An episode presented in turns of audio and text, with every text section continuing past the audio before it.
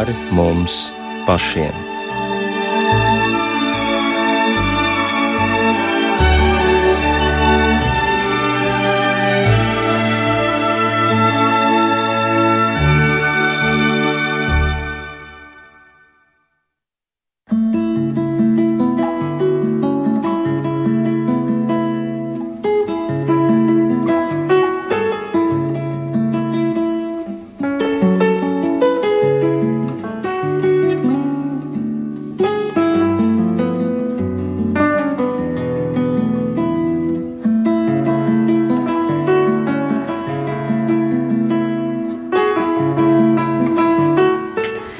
Esiet sveicināti raidījumā pāri mums pašiem. Studijā Inte Zēgnere par skanējumu rūpējas Katrīna Bramberga, bet mūsu raidījuma viesi šovakar ir Romas katoļu baznīcas arhibīskaps metropolīts Zbigņevs Stankēvičs un filozofa Latvijas universitātes profesora Maija Kūle. Labvakar!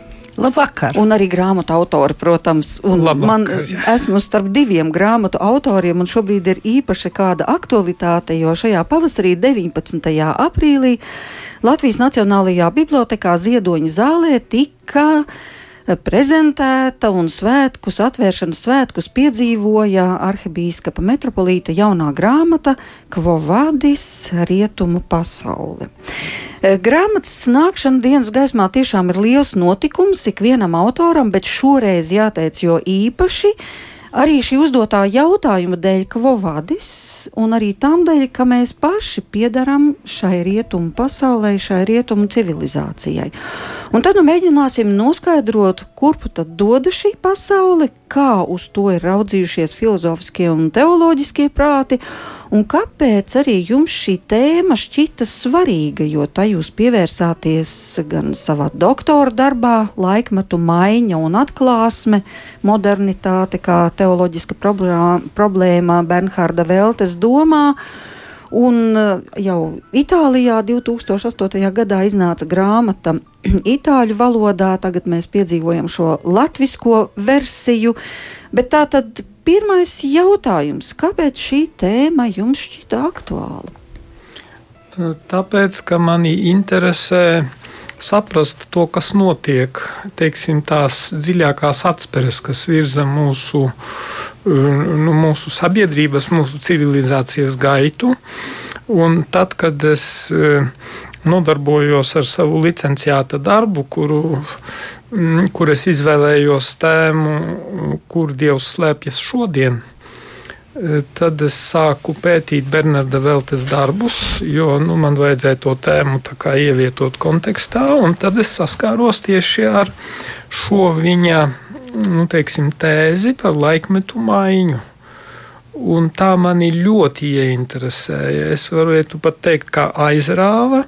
Man bija pilnīgi skaidrs, ka es vēlos pētīt šo tēmu, jo vēlos saprast to, kas notiek tajā rietumu civilizācijā. Jo tas man bija kā uz Dēlnes, skaidrs, ka nu, mēs ejam cauri ļoti straujām pārmaiņām. Un es domāju, ka nu, mēs visi, vismaz mana paudze, un, un tie, kas ir kaut kur 40 gadu veci un vecāki, nu, gāja cauri komunisma sabrukumam un cauri šīm nu, cauri 90. gadu tādai. Nu, fāzei, kur, kur notika tam es teiktu, tas mežonīgais kapitālisms pie mums ienāca. Un, nu, un tad kaut kāda tāda relatīva stabilizācija sākās pēc tam. Bet nu, vienlaicīgi arī, protams, ieiešana Eiropas Savienībā, NATO un tagad atkal tas karš Ukrainā. Nu, mēs redzam, ka visu laiku pasaulē ir tādā burbuļošanas un vārīšanās procesā. Un ka tā pasaules uztvere teiksim, kopš maniem bērnības gadiem līdz šodienai ir radikāli mainījusies. Patiesībā tā ir, es teiktu, vismaz divas reizes tā pasaulē jau ir mainījusies. Jā, bet šī laikmeta maiņa jau ir kaut kas tāds, kas nemitīgi pavada vēsturi. Jo sākumā bija 18. gadsimta industriālā revolūcija, tad sākās strauja attīstība, rūpniecība. Tas taču arī noteica arī zināmu laikmeta maiņu, cilvēka domāšanas maiņu, pēc tam nacionālās atmodas 19. gadsimts, arī vesela tāda straumi, kur rezultātā nu, tika dibinātas jaunas valstis, valstis atguva neatkarību, notiek tādi lieli procesi.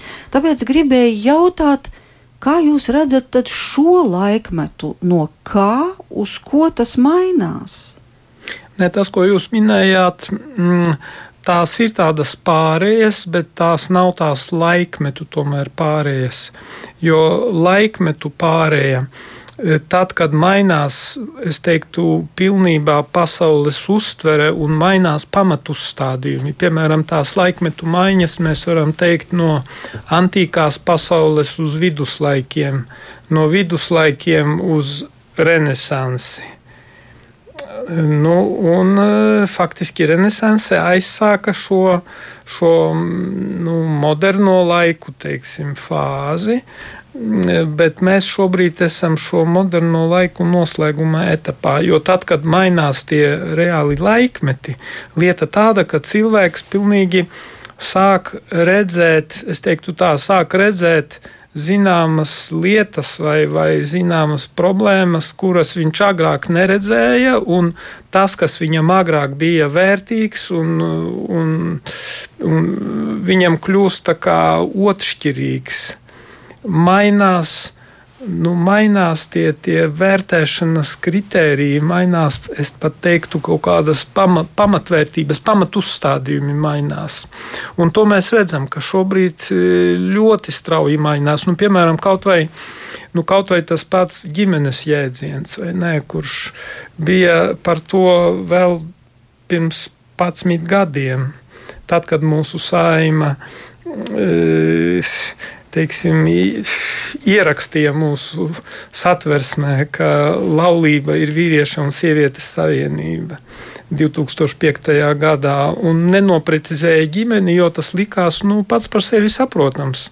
Un pagāja cik 17 gadi, Un ja mums tagad ir mēģina ierosināt referendumu, lai, lai precizētu ģimenes jēdzienu, ka ģimene tomēr ir, nu, tā kā katoļu baznīca to māca viennozīmīgi, tā ir oficiālā katoļu baznīcas mācība, ka laulība ir vīrieša un sievietes savienība, bet ģimene ir laulībā balstīta institūcija, struktūra. Un tāpēc mēs arī aicinām mūsu baznīcās parakstīties par šo referendumu, lai vienkārši nepieļautu nu, šai ziņā šo viena no rietumu civilizācijas stūrakmeņu izšķīdināšana. Jo patiesībā tad, kad mēs izšķīdinām šo jēdzienu, tad, tad es teiktu, mēs vairs nebūsim tā civilizācija, kura bija. Tā, jo mēs esam rietumu civilizācija, bet šobrīd rietumu civilizācija strauji maina šos savus pamatuzstādījumus, un viņai draud, ka viņa vairs nebūs tā civilizācija, ko mēs pazīstam. Un, un patiesībā, mm, e, ka vairs nebūs tie pamati, uz kuriem viņa ir stāvējusi šos visus gadsimtus. Gribas vaicāt arī Maijai šo pašu jautājumu par šo laikmetu maiņu, un arī turpat klāt jautājumu, kā jums šķiet, kāpēc tā notiek? Pateikt, kāpēc ir grūti. Tāpēc, ka uh, cilvēks un viņa garīgā ievirze un kopienu nācija ievirze, ir vēsturiska. Tas jau ir ļoti labi aprakstīts Stankeviča grāmatā, arī atsaucoties uz Bernardu Velti. Uh, ir mainīgums, ir mainīgums. Ja nebūs mainīguma, tad, tad būs stagnācija, būs sastingums un, un dzīves formas mainās, attīstās. Tas jau nav nekas slikts. Es šos laikmetus esmu citā, vienā savā grāmatā, erodzīvu, mēģinājusi nosaukt tā, kā trīs formas, trīs formas. Pēc vērtību sakārtojuma, pēc tā vai ir transcendence, nu tas ir kaut kas augstāks, pāristāvošs, gandrīz jāsaka tā, kā šo raidījumu sauc. Un man tā ir dzīves forma augšup, augšup, kas ir arī viduslaiku filozofija, bet kas ir arī Kanta filozofija kā pacelies pāri sev. Ja, ir lielākas, dižākas a prioras lietas, ir, ir civilizāciju pamati, neplosies tā, novērtē šo augšup. Ja, tas ir arī cilvēka izaugsmes aicinājums. Otru dzīves formu es nosaucu uz priekšu. Uz priekšu Un domāju, ka tas ir tas kapitalistiskais gars, kā jūs te teicāt, ar industrializāciju, ar, ar skriešanu, ar peļņu, ar vien vairāk materiālu labumu. Dzīve tiek atvieglota. Jā, patiešām vairāk tiek izārstētas lielas, jaunas slimības, ir vairāk um, dažādu tehnisku palīdzības lietu, nu, veļas mašīnas. Nu, tas taču vispār brīnišķīga lieta. Uh, Un cilvēki, it īpaši rietumu civilizācijā, ir ļoti pārņemti ar šo drāšanos uz priekšu. Bet te ir cits jautājums. Mēs arī esam tajā iekšā uz priekšu.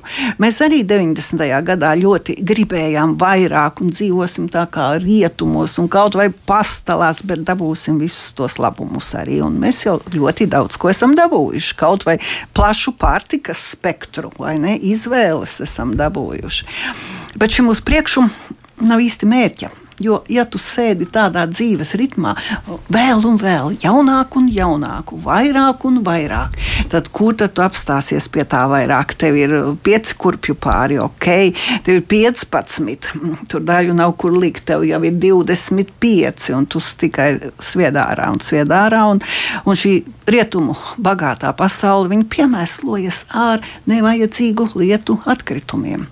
Bet es vēl izdomāju trešo dzīves formu Es viņu nosaucu uz virsmas. Uh, viņu var salīdzināt ar tām nostādnēm, kas ir um, postmodernismā.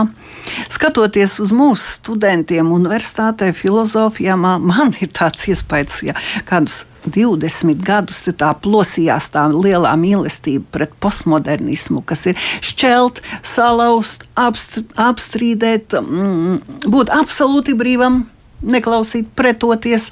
Nu, tā ir tāda laušanas filozofija. Protams, ka jauniešiem tur vienmēr liekas, ka, ka tur ir kaut kāds. Nu, mundrums, kaut kāda uzņēmība, revolucionaritāte. Jā. Bet tagad pietiek jau pietiek. Arī Rietumu universitāte šai ziņā nomierinājās. Arī šīs grāmatas uh, Leotārs un Bodriārs uh, tika tulkotas arī pat iemīļotas, bet tad, kad uz viņām paskatās tuvāk, tāpat kā uz tādu lielu varenu, kā Deridā, Deridā Vilnis bija pārņēmis rietumus, ar nostādni par dekonstrukciju dekonstruēsim. Mums taču nevajag to stabilitāti, mums nevajag jēdzienu tādu viennozīmīgu kā mēs te runājam par, par ģimenes iedzienu. Fuj, priekš kam? Mēs esam brīvi, mēs esam stipri, mēs dekonstruēsim. Ne tikai ģimene jau tika dekonstruēta, tas ir ārkārtīgi sāpīgi. Tas patiešām ir ne tikai kristīgās civilizācijas, tas ir cilvēciskās dzīves pamats, šūniņas jau salaušana. Bet pat, pat jēdziens cilvēks tika dekonstruēts. Kādā veidā? Kādā veidā? Ha! Mūsdienu filozofijā nevar teikt vairs human being, nu kā mēs angliski vai man, vai esam ilgstoši rakstījuši. Nav cilvēka kā tāda, ir dzimums. Šis dzimums nav nemaz tā nosakāms, jo, ja ir nauda, līdzekļi, medicīniskais atbalsts, tad tu viņu maini. Jā, labi, šogad es esmu vīrietis, pēc tam es esmu transpersona, pēc tam es esmu sieviete, pēc tam. Un nedrīkst vairs teikt, tās ir cilvēka īpašības, tiek prasīts definēt, kāda dzimuma tās īpašības ir un kāda dzimuma tiesības. Un tad jau mums ir šajā dzīves formā uz virsmas saradušies kaut kādi 70 dzimumi, nu es tam nespēju izsekot. Es domāju, ka tas pieder pie tādas dzīves formas, kas ir, nu, ja tā var teikt, nu, aptrakusi. aptrakusi. Uh, uh, Krieviem ir tāds izteiciens, varbūt ne tas sevišķi vietā, bet es viņu atceros s žiru besica. Tas, tas skaitās tā, ka tev klājas labi, tad tu vari atļaut centies laust pamatlietas. Tad, kad tu esi traģiskā situācijā, tādā dzīves saspīlējumā, tādā kā Karls Jaspers sauc robežu situācijā, tu nekad nelauzīsi šīs pamatlietas un, un pamatvērtības. Tu to vienkārši neizdarīsi, tu vienkārši neizdzīvosi. Tava cilts, tava cilvēce iznīks, ja tu tā turpināsi. Un, un Latvijā, un Latvijā, kā es rakstot, padomāju, šī dzīves forma uz virsmas nav mūsu pārņēmusi maksimāli. Bet mums, es tā domāju, mm, mēs esam tajā uz priekšu. Mēs esam tajā uz priekšu, un tāpēc arī no politiskām aprindām nemitīgi atskan, vai dieniņi, pasakiet, kāds ir mūsu mērķis. Mēs te par eksportu, bet vai dieniņi Latvijai vairs nekādu mērķa nav. Tā jau ir tā dzīves forma, tā sliktā kvalitāte, ka, ka šī mērķa vairs nav dzīves formā uz augšu.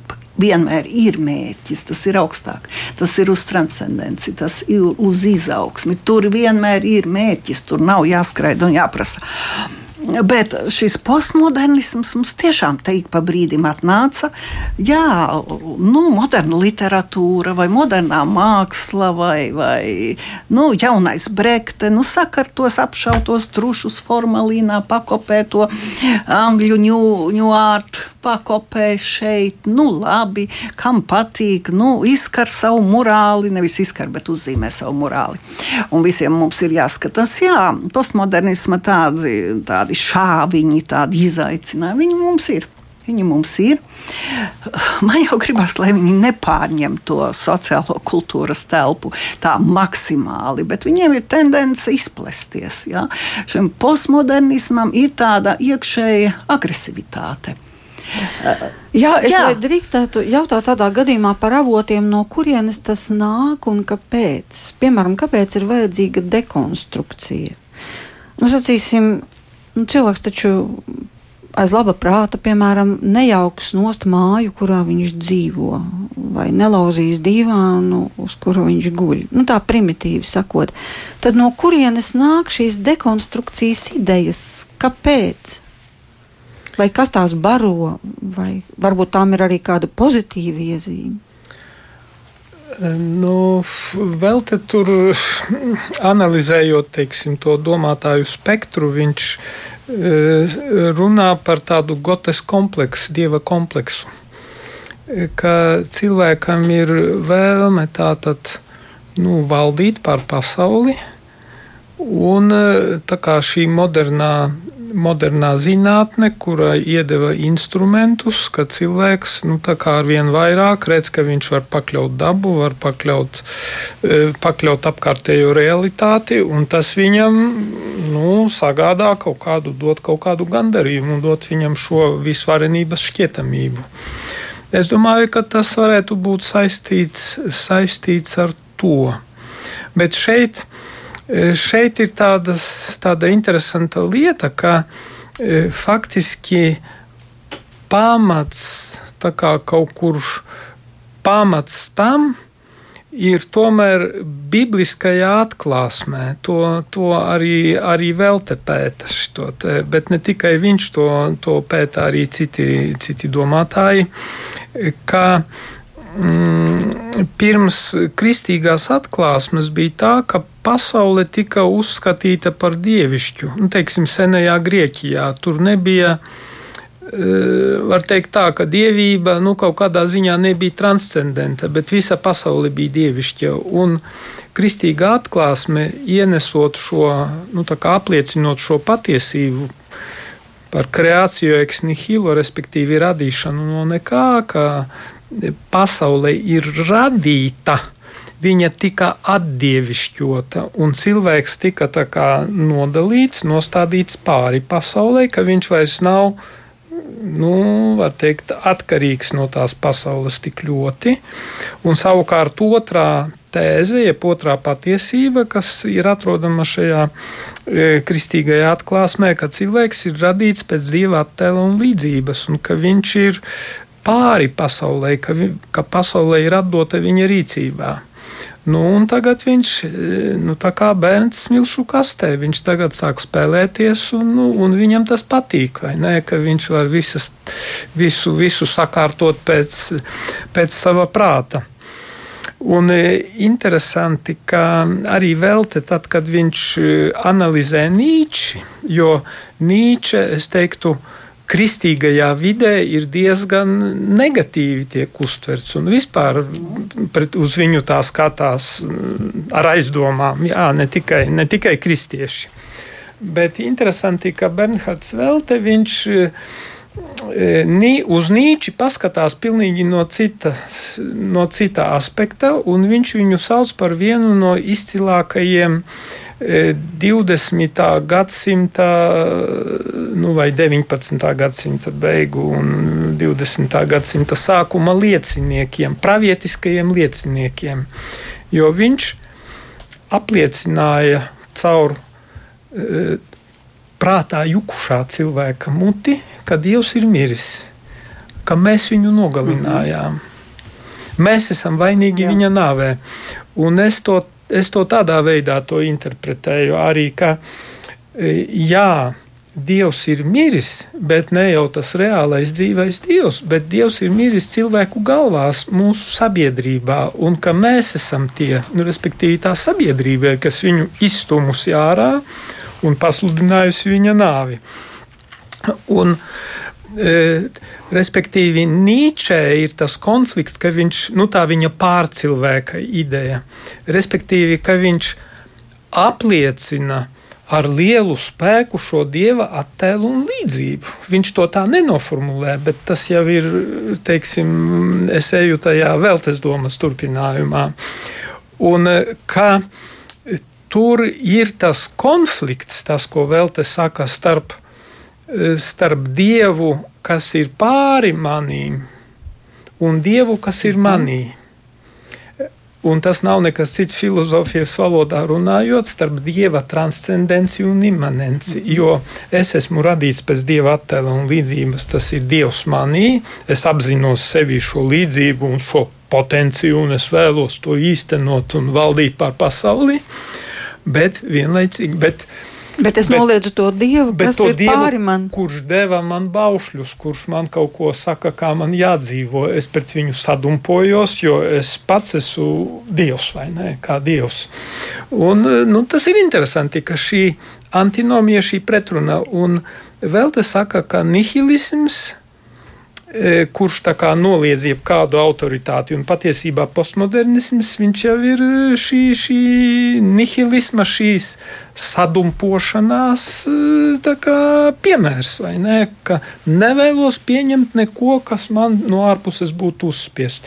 Tāpēc, ka man ir šī dievišķā potencialitāte. Bet, bet problēma pastāv tā, ka to nevar tu nevari īstenot šo dieva attēlu un līdzību, šo savu potenci, šo, šo savu, teiksim, dievišķību ar mazo burtu. Tad, ja tu pretnostādi sevi dzīvajam dievam, transcendentajam dievam, un e, faktiski nihilisms viņš tev, kā saka, izaicina atrisināt šo problēmu, pārformulēt dievišķās atklāsmes vēsti un evaņģēlīja vēsti mūsdienu cilvēkam tādā veidā, lai viņš kaut kā, lai, lai atrisinātu šo pretrunu. Tā ka tur ir tādas interesantas problēmas. Jā, par to mēs arī pēc brīža runāsim un gribēsim arī vairāk dzirdēt par pašu Bernardu Velti. Šovakar jau daudzkārt izskanēja filozofa Bernarda Veltes vārds, un arī jūsu disertācija un arī šī grāmata ir balstīta viņa filozofijā, un izrietot no tā arī šis pētījums. Bet kas tad bija viņš pats, un kāpēc tieši viņš jūs tā ieinteresēja? Jūs jau minējāt, ka viņam bija tāda interesanta attieksme pret Nīču, bet ne jau tas vienīgais. Nē, nē tas ne vienīgais. Nu, patiesībā tā bija mana darba vadītāja izvēle, jo tad, kad man vajadzēja izvēlēties licenciāta darba tēmu, tad man uzpeldēja manā saka, apziņā, ka kur Dievs slēpjas šodien. Un es nezināju, par kādu autoru es varētu rakstīt. Es tikai zināju tēmu, es zināju problēmu, ar kuru es gribu spēkoties aizgāju pie darba vadītāja. izvēlētā darba vadītāja, kurš ir izcils teologs. Viņš tagad arī starptautiskajā teoloģiskajā komisijā, un, nu, ar vārdu sakot, topā. topā nu jā, tas Laterāna Pontificālajā universitātē. Jā, jā. Un, Viņam to pateicu, viņš tā, tā kā sāka domāt, diezgan ilgi domāja, kuru autoru izvēlēties. Un tad beigās viņam tāda tā kā apskaidrība atceros, viņš tā Bernards Zelte, Lichts des Nichts, nulles gaisma. Jā. Tas ir neliels tāds neliels darbiņš, neliela grāmatiņa, un es sāku to pētīt. Un tad, un tad es atklāju šo autoru, jo pirms tam es viņu nepazinu. Bet tas man bija pilnīgi kā svaiga gaisa malks. Jo Bernards Velte, ar ko viņš mani piesaistīja, arī ļoti, kas mani uzrunā, ka viņš no vienas puses viņam ir sāka viņš ar klasisko domu, viņš pētīja Akvīnas tomu, viņš pētīja pirmo gadsimtu teiksim, tos, eh, tos, tos tēvus. Un, bet savas dzīves, teiksim, jau tajā otrajā posmā, jau piemēram savu habilitācijas darbu, viņš rakstīja, kur viņš salika kopā eh, Akvīnas Tomu ar, eh, ar, ar, vienu no, ar vienu no eksistenciālistiem, mūsdienu psiho, psiholoģizējošajiem, teiksim, eh, eksistenciālistiem. Un tā kā mēģināja novilkt paralēlas tieši tur ar tām eh, robežu situācijām. Teiksim. Mm -hmm. nu, jā, Un tad viņš atvērās uz mūsdienu domātājiem, kuri bija arī sekulārie, piemēram, Frankfurtes skolu. Viņš, e, nu, ar vārdu sakot, uz visām iespējamām mūsdienu filozofiskajām sistēmām, kuras viņš izlaiž caur sevi un integrē savā, savā teiksim, sintēzē. Izmanto, lai attīstītu savas tēzes. Un eh, tas man bija ļoti simpātisks, jo viņš ir pēc savas saka, struktūras, pēc savas nostādnes, viņš ir dialoga cilvēks. Viņš vienkārši ar katru ir gatavs stāties dialogā un no katra mācīties. Un tad, kad viņš eh, savus studentus vadīja, jo viņš bija robežu jautājumu katedras vadītājs, pirmais robežu jautājumu katedras vadītājs, pēc tam viņš kļuva arī e, Freiburgas e, universitātes rektors kādu laiku bija. Un tad, kad viņš e, saviem studentiem kā, nu, mācīja to pieeju, viņš teica, tu. E, paskaties uz šo lietu, nu, vai uz šo jautājumu, uz šo problemātiku, tā it kā tu viņu redzētu pirmo reizi. Tu atmet visas savas iepriekšējās kā, schēmas, domāšanas kā, pieejas. Tu uzlūko viņu tādu, kāda viņa ir, centies viņu redzēt pilnīgi no jauna. Un tas ir arī tā, ka atbrīvojies no stereotipiem, no aizspriedumiem un no atkarības no tā, ko ir citi pateikuši par šo tēmu. No vienas puses, tu ar to iepazīsties, bet neesi no tā atkarīgs. Un tas ir apmēram pagājušā gadsimta vidus. E, viņš nomira 1983. gadā. Savu habilitācijas darbu viņš rakstīja kaut kur 1900, pagaidiet, ja nemaldos, 30 kaut kur 8. gadā. Jau, 30. gadu beigas. Jā, viņš. Mm. Jā. jā. Bet eh, savukārt, eh, Maija, jūs esat rakstījusi ievadu šai grāmatai. Vēl arī Ivars Kalniņš ir rakstījis ievadu, bet nu, jums ir tas gods ir bijis sākt pirmai atvērt šīs grāmatas labs puses un arī rakstīt ievadu. Tātad, kas jūs ir šajā grāmatā uzrunājis? Un, teiksim, ko mēs varam tādajādi saprast? Par šī laikmeta zīmēm. Jā, tas man, protams, ir liels gods, un es tā mazliet pretojos, ka tas uh, ievads ir kā ievads priekšā. Es domāju, ka viņu vajag aizmugurē likt, un, un Stankeviča darbs ir pats pats nozīmīgākais. Es arī Bernhārdu Velti nezināju iepriekš, bet tad, kad es viņu lasīju, es arī par viņu painteresējos, un man jau viņš uzreiz ar tādu nu, filozofijas specialitāti tapa skaidrs. Jo parasti jau autori tomēr pieder kādam lielam virzienam, kādai skolai. Pirmais skaidrs, ka tas ir dīšs vācu intelektuālis, ja, ka viņam ir laikmetīga šī te, mm, līnija, bet viņš ir Haidegera skola. To var nolasīt uzreiz. Mm. Haidegers Latvijā ir pazīstams, ja tā var teikt, arī universitātē tā kā iestrādāts, ir tulkojumi, arī mans vīrs Rihards Kūlis pārtulkoja Malkas ceļus, studenti taisa disertācijas par Haidegaru. Tas mums ir ejoša lieta. Ejoša mm -hmm. lieta.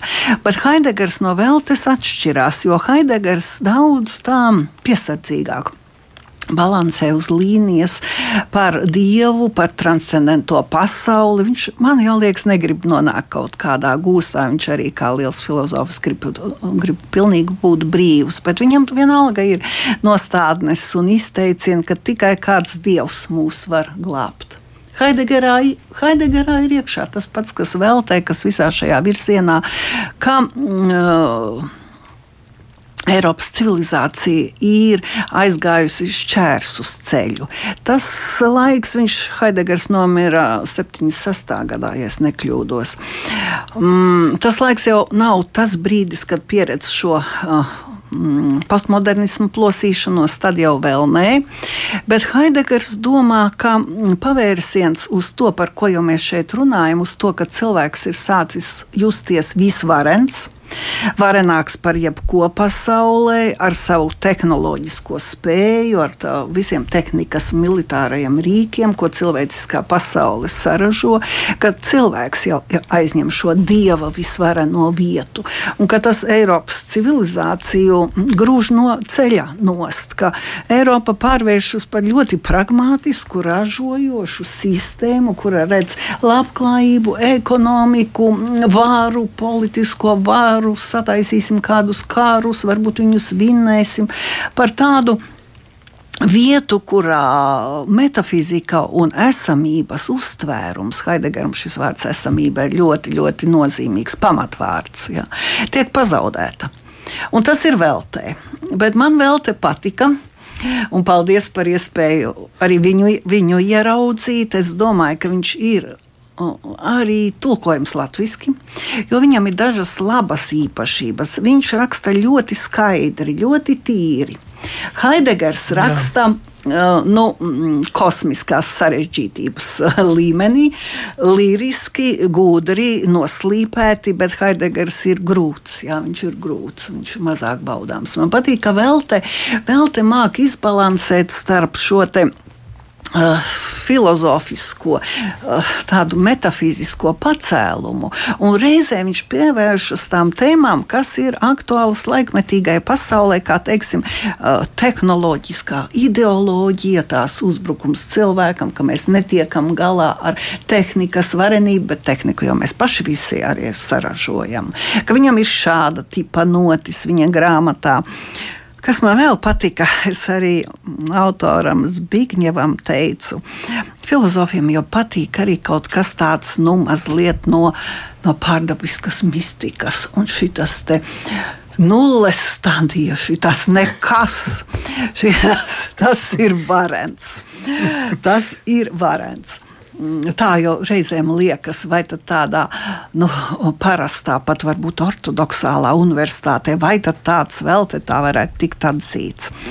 Bet es zinu Latvijas universitāti. Man arī bija tā iespējas divas reizes esmu vedusi uz Romu filozofijas doktorantus. Mums tur bija semināri, un rektors pat pats atnāca. Un es zinu, ka tā ir ļoti laikmetīga universitāte. Viņa ir gudra, viņā taču arī ir juridiskās lietas. Jā. Jā, viņa ir gudra, laikmetīga universitāte, kur, kā saka, nu viņa prot ar, ar pirkstu galiņiem satvert to, to gara situāciju. Ja viņi nav konservatīvi, palikusi kaut kādus pāris gadsimtus atpakaļ, un tas ir tavo laterāniešu tas lielais spēks, ka viņi var izvilkt un arī stimulēt tādas grāmatas kā kā par nu, disertācijas, jā, kā par Bernhardu Velti vai kā Anģela Alice Bello, kas arī strādā šajā universitātē. Tā ir tīra fenomenoloģija. Tā ir ļoti gudra, tīra fenomenoloģija, kura spēja atšķirībā no Kuserla aiziet līdz dieva transcendences jēdzienam un nemaz neuztraucās. Tātad man vislabākā attieksme man arī radās ieraugot šo velti, to laterāniešu, laterāniešu ietvarā. Kā, kā spēcīgu figūru, kā gudru figūru, kā to, ka es lasot viņu, ieraudzīju, ah, tā taču ir atkal man mīļā. Mīļā hermenētiskā līnija. Hermenētika stāv pretī tiem dekonstruētājiem. Hermenētika, kas nāk no Gadamera, kas nāk no Haidegera, tā ir mierīga nu, situācijas fenomenu nolasīšanas un saprašanas māksla. Saprašanas māksla neuzbrūc. Un vēl te ir, to es arī ievadā tur uzrakstīju, vēl te ir ļoti hermenētisks, ļoti. Un ko dara visi hermenētiķi? Mm, viņi liek centrā pieredzi pieredzi. Un šī pieredze savāc cilvēku kopā gan kā vēsturisko norisi, eh, kurā ir arī zināšanas, refleksija, saprašana, ticība, pieredze savāc. Eh, kas ir pieredze? Es ievadā ātri atcerējos, nocitēju, man liekas, tas bija Māris Čaklais, kas teica, ka tas ir viss cilvēks, kas ar tevi ir noticis. Es esmu bagāts, man pieder viss. viss Kas ar mani ir noticis? Kas ar mani ir noticis ja? Pieredze nav tikai kaut kādas kompetences apgūšana vai spēja tur pareizi stādīt augus vai, vai es nezinu, raud zobus. Arī tā ir profesionālā pieredze. Ja? Bet cilvēkam, kā tādai garīgai būtnei, ir ļoti svarīgi, lai viņš šo pieredzi, kas nāk caur attiecībām, caur savu ķermeniskumu, caur savām bēdām un slimībām, caur savu prieku un uzvarām, caur savu laimi un vērtībām. Ja? Lai cilvēks sevi savāktu tādā pašsapratnē, jo tā jau ir izaugsme. Lai sevi savāktu, lai saprastu, uz ko tu tiecies. Un tur pieder, kā jau es saku, ne tikai zināšanas. Zināšanas ir ļoti liels modes, tāds strateģisks vārds, ar kuru ir pārpildīta tā dzīves forma uz priekšu. Protams, zināšanas apgūsim, ražosim, attīstīsim, dabūsim, dabūsim vēl un vēl.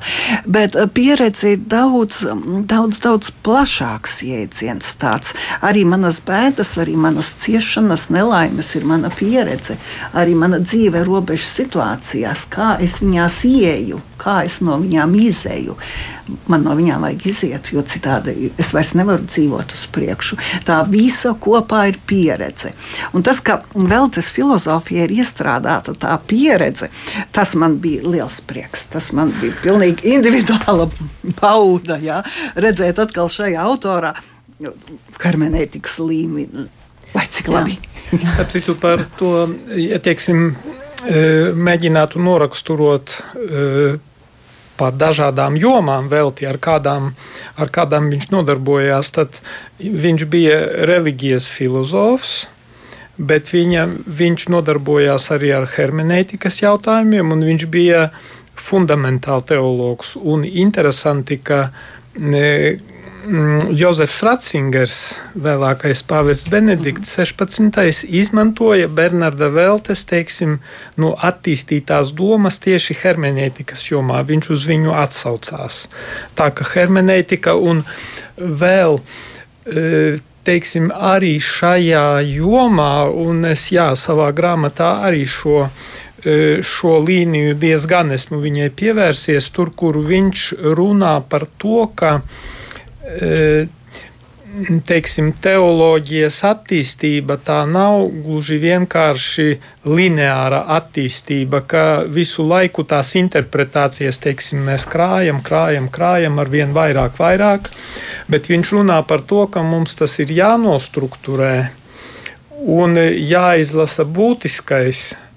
Un šeit es pat novilktu arī paralēles ar Īvu Kongāru, kurš uzrakstīja ja nemaldos, divos sējumos pat e, tradīcija un tradīcijas.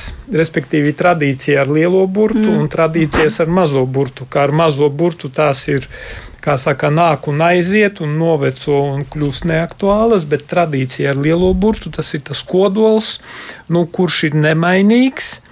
Un kuru mēs tikai varam interpretēt un ietērpt ar vienu jaunās, ja, jaunā tērpā, atkarībā no laikmeta. Un tad viņš runā par to, jā, ka ir nu jā, svarīgi ir saprast un nointerpretēt, vai ne izvilkt to esenci no turienes. Nu, lūk, un tieši to es tagad gribu izvilkt, un jūs jau šo jautājumu uzdevāt pats vairākas reizes šajā raidījumā, ka jūs ļoti interesēja, kur šodien slēpjas Dievs.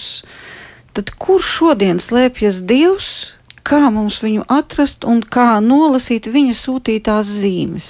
tajā mūsu situācijā, mūsu laikmetā. Nu, tad, lūk, tajā savā licenciāta darbā, no kura es arī saka, kaut kādu ekstraktu ieliku grāmatā, e, vēl te runā par to, ka mūsdienu raksturīgākā pieredze reliģijas jomā tas ir reliģiskās pieredzes trūkums, ka viņai izzūd šī reliģiskā pieredze. Un Un tā viņa tēze, tas ir tā, tā rozīnīte, kas, kas viņam ir. E, viņš saka, ka e, tieši šajā, kad Dievs atklājas caur reliģiskās pieredzes trūkumu. Kā tas ir iespējams? Nu, un šeit viņš novelk arī paralēlas ar mistikiem. Un arī Jānis Pāvils II, viņš Segovijā, Spānijā, runāja par kolektīvo garanakti.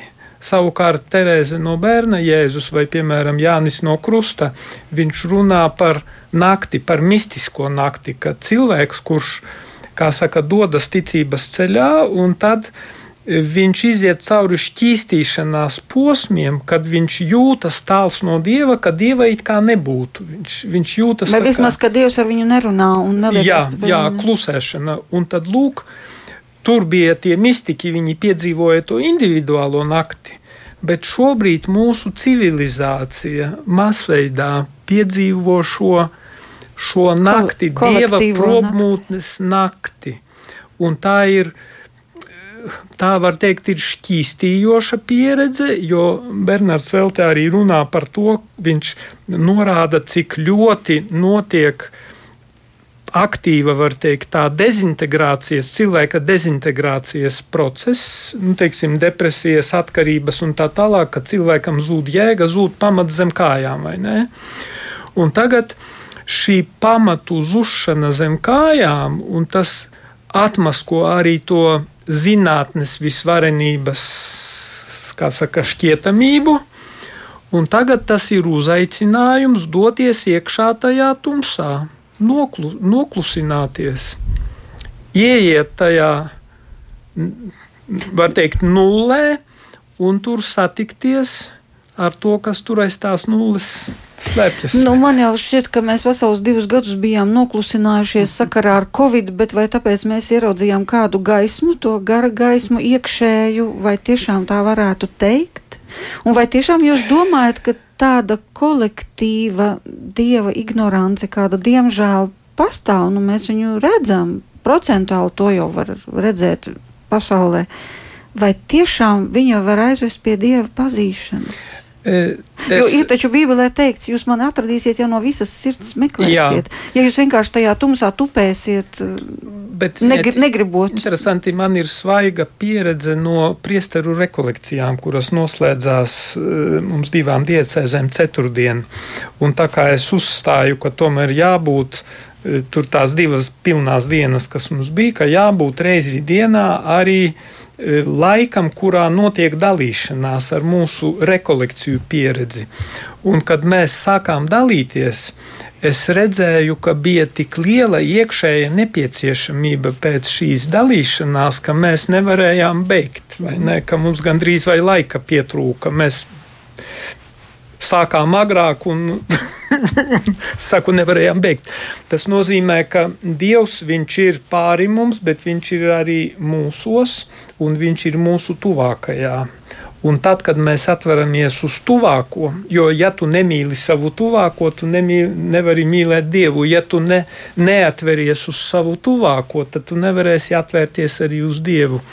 Un šeit tas Covid laiks ir parādījis, un to es redzu ne tikai priesteros, bet to es redzu arī sabiedrībā, ļoti lielu nepieciešamību pēc otra cilvēka klātbūtnes un pēc tā, lai varētu izkratīt sirdi un atvērties viņam. Es to nosauktu par pirmo etapu pretī tam, lai pēc tam varētu atvērties uz dievišķo klātbūtni.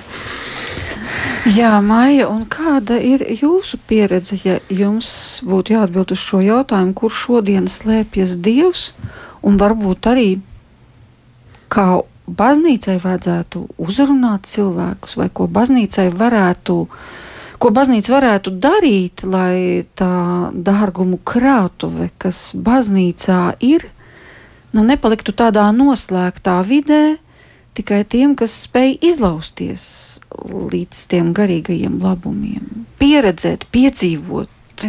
Arī brīnums tā skaitā. No filozofa viedokļa baznīca ir jāiet laikam līdzi, bet nav jāpārmodernizējas. Tā atkal ir briesmīga kļūda briesmīga, kā es redzu arī savā universitātē. Vienmēr ir vajadzīgs mērs, vidusceļš, bet uh, nevar jau arī šobrīd palikt tādā 13. gadsimta valodā. Man liekas, ļoti labi, kā arhibīskaps tikko teica, tā ir būšana tumsā. Uh, Un tas saistās ar, ar bezjēgas ieraudzīšanu, no kuras ir jātiek vaļā jātiek ārā. Jo kāpēc tad vispār dzīvot, kāpēc eksistēt? Bezjēgas ir ļoti daudz. Jūs te pieminējāt mm, pandēmiju. Es arī vienu gadu veltīju starptautiskam projektam. Mums šogad iznāks grāmata Springerā par fenomenoloģiju pandēmijas laikā, un tad mēs tā kaut kā centāmies rakstīt ar starptautiskā autorika. Pandēmija visu izmainīs. Oi, man liekas, nav tādas izmaiņas notikušas cilvēkos. Nav. Pandēmija lika domāt vairāk par sevi, par dzīvi, par šo uztraukumu. Es saslimšu, kāpēc man jānomirst. Jā? Es neesmu pelnījis, kāpēc mani neizārstē, kas ir tas draņķa vīrus, kas pēkšņi pasauli kacina tādu. Bet mēs redzam, šobrīd jau visa Latvija un arī Eiropa jau smējās, jau, jau danco, jau, jau tirgojas, jau skraida pa ielām un, un vairs negrib dzirdēt par pandēmiju neko.